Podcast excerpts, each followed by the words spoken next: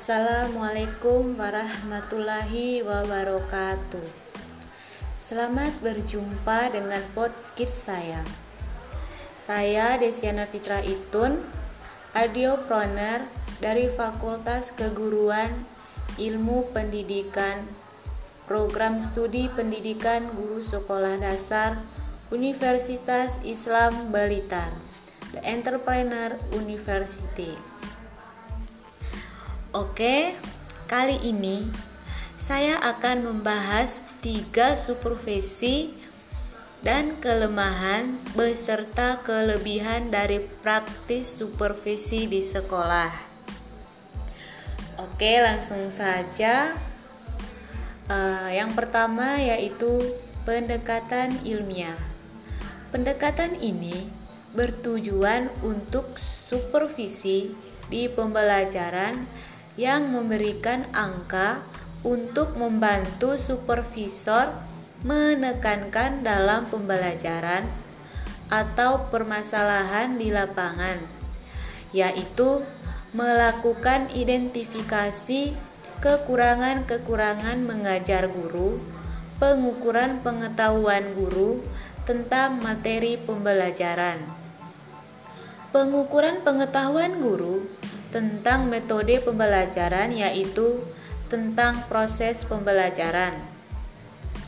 Supervisi pembelajaran dengan pendekatan ilmiah tampilan-tampilan pembelajaran yang tampak sebagai keseluruhan peristiwa pembelajaran. Oke, yang berikut yaitu kelebihan dan kekurangan pendekatan ilmiah. Yang pertama yaitu kelebihan. Pendekatan ini memiliki kelebihan yaitu adanya penelitian sehingga pemecahan masalah besar kemungkinan tepat pada sasaran dan tujuan. Supervisi bisa bekerja sama dengan peneliti untuk melakukan penelitian sehingga dapat membangun relasi antara supervisor peneliti dan juga guru. Melalui penelitian ini dapat menghasilkan manajemen dalam suatu pembelajaran. Yang kedua yaitu kelemahan dari pendekatan ilmiah, yaitu supervisi ilmiah ini menitik beratkan pada penelitian, maka dari itu Pendekatan ini membutuhkan suatu hal yang cukup mahal, waktu untuk menetapkan hasil penelitian juga cukup memakan waktu yang sangat lama. Jika supervisi tidak hanya kemauan dalam melaksanakan penelitian, maka pendekatan ini tidak akan berhasil sesuatu untuk memecahkan masalah.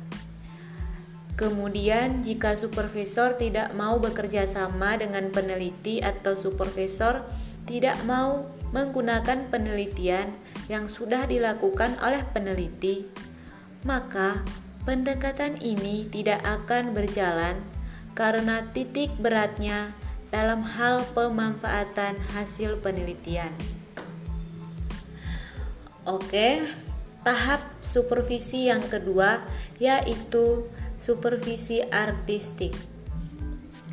Di sini menjelaskan bahwa pendekatannya melalui kepekaan, persepsi, dan sebagai sarana seorang supervisor untuk memperapresiasi kejadian yang bersifat halus.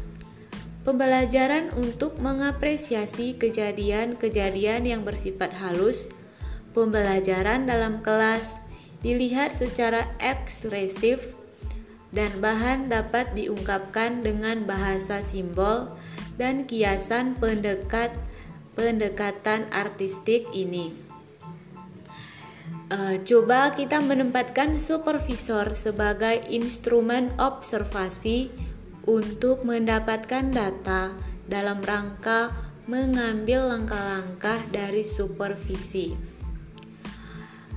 Observasi yang dilakukan berangkat dari keingintahuan supervisor terhadap pembelajaran yang sedang berlangsung tanpa adanya resensif ataupun hal ini yang menyaksikan tampilan musik.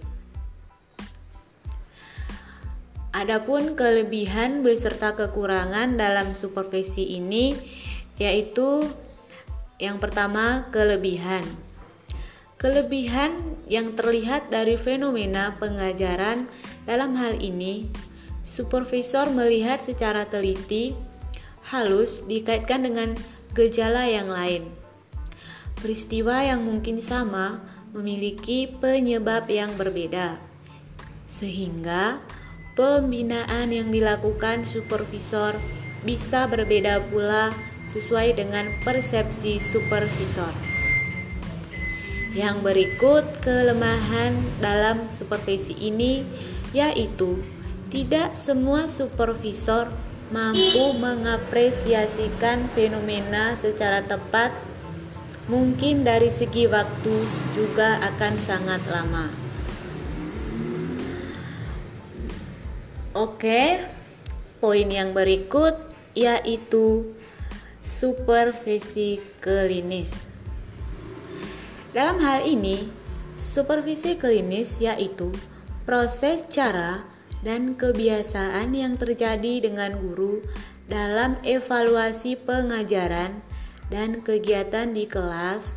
Sebagian berpendapat supervisi klinis sebagai teknik yang menetapkan serangkaian langkah-langkah di mana pengawasan guru dalam melakukan kegiatan pada pendekatan klinis. Adapun hubungan antara supervisor dan guru diibaratkan seperti dokter dengan pasien supervisor yang menanyakan segala apa saja yang berkaitan dalam pembelajaran tanpa mendekte memberikan penekanan. Oke, di sini juga memiliki kelebihan yaitu yang pertama dapat dipakai memperbaiki guru-guru yang sangat lemah kinerjanya. Yang berikut, perbaikan yang dilakukan sangat intensif sebab masing-masing kelemahan ditangani satu persatu sampai semua kelemahan menjadi berkurang ataupun menghilang.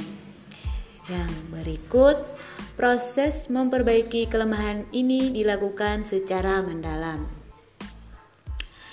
Uh, kesimpulan dari ketiga pendekatan dalam supervisi pembelajaran yaitu yang pertama seperti yang sudah saya bahas pada pembahasan dari atas itu ilmiah yang bekerja berdasarkan produse ilmiah atau lebih dikenal dengan metode ilmiah.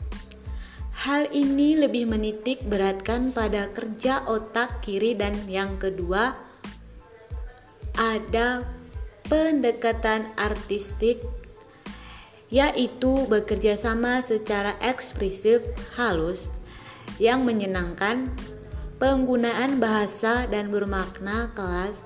Semuanya lebih menitik beratkan pada otak kanan dan yang terakhir yaitu pendekatan klinis hubungan antara dokter dan pasien itu dijadikan agnosa. Oke, uh, para pendengar, ini adalah ketiga pendekatan supervisi pendidikan. Kepala sekolah sebagai supervisi di dunia pendidikan bertugas untuk membantu dan membina guru sebagai mitra kerjanya akan lebih profesional dan melaksanakan tugasnya secara supervisi akademik dapat pula disebut sebagai sebuah kegiatan rencana, terpola, dan terprogram dalam mengubah perilaku guru agar dapat mempertinggi kualitas proses pembelajaran. Oke, uh, kepada para pendengar semua, demikian materi yang dapat saya sampaikan pada episode ini. Semoga bermanfaat bagi para pendengar Dan apabila ada kurang lebihnya, mohon maaf sebesar-besarnya. Dan jangan lupa salam semangat buat kita yang belajar di rumah. Mari bergabung bersama Universitas Islam Balitar. Salam entrepreneur Unisba Blitar, kreatif, integratif, dan energi. Wassalamualaikum warahmatullahi wabarakatuh.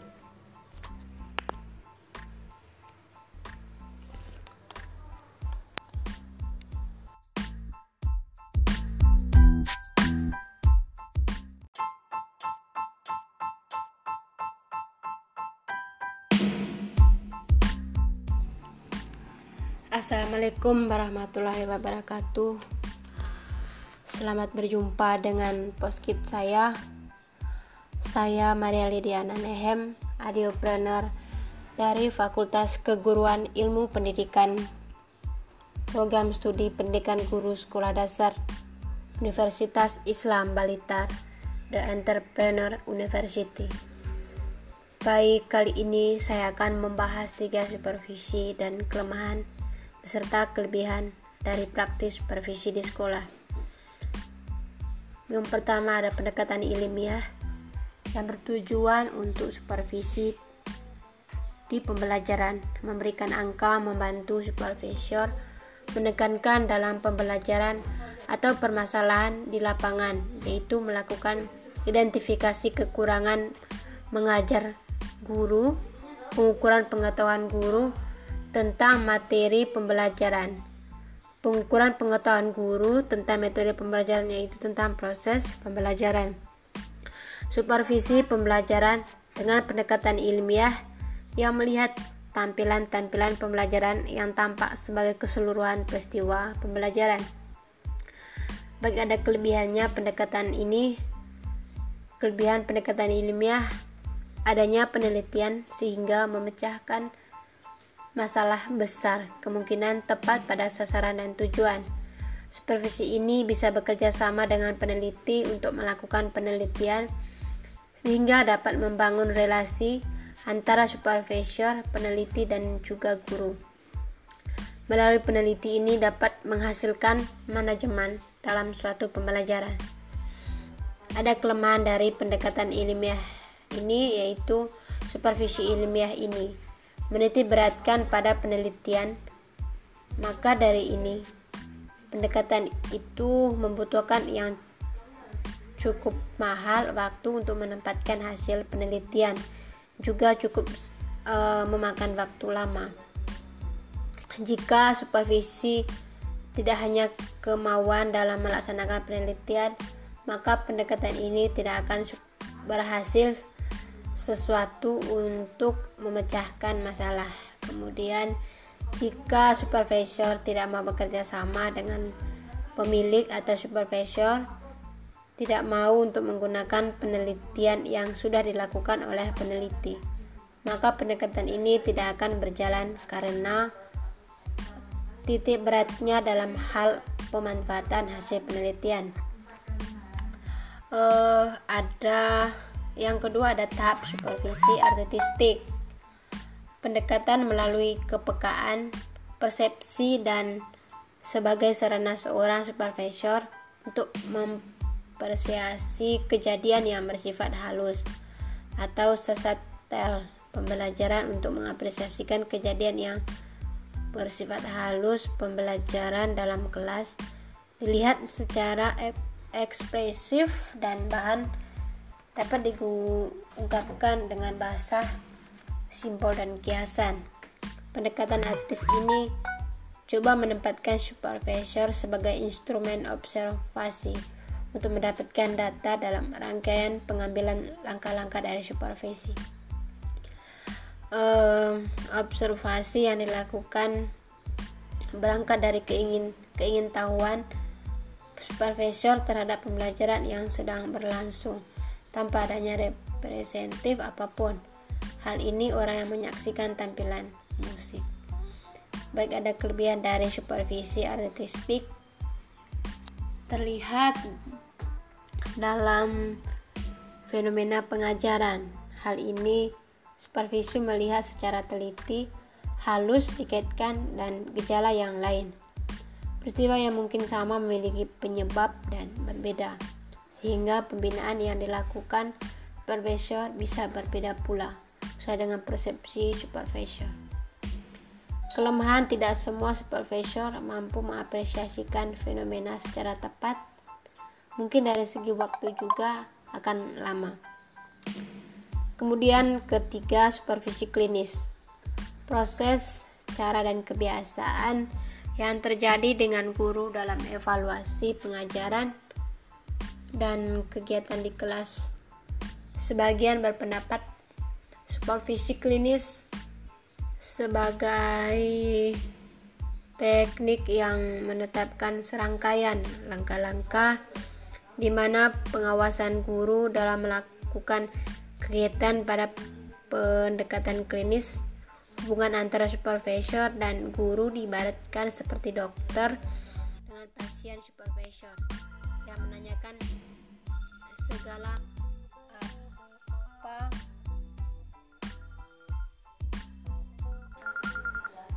segala apa saja yang berkaitan dengan pembelajaran tanpa mendekti memberikan penekanan.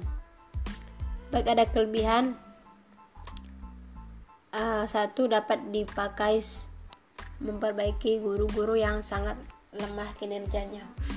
Per, dua, perbaikan yang dilakukan sangat intensif sebab masing-masing kelemahan ditangani satu persatu sampai semua kelemahan menjadi berkurang dan menghilang. Kemudian ketiga ada proses memperbaiki kelemahan dilakukan secara mendalam. Kesimpulan dari ketiga supervisi di atas yaitu pendekatan dalam supervisi pembelajaran. Supervisi ilmiah bekerja berdasarkan prosedur ilmiah. Lebih dikenal dengan metode ilmiah.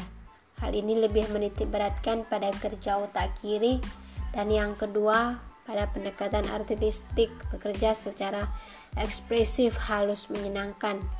Menggunakan bahasa dan bermakna kelas semuanya lebih menitik beratkan pada otak kanan dan yang terakhir yaitu pendekatan klinis hubungan antara dokter dan pasien itu dijadikan agnosa.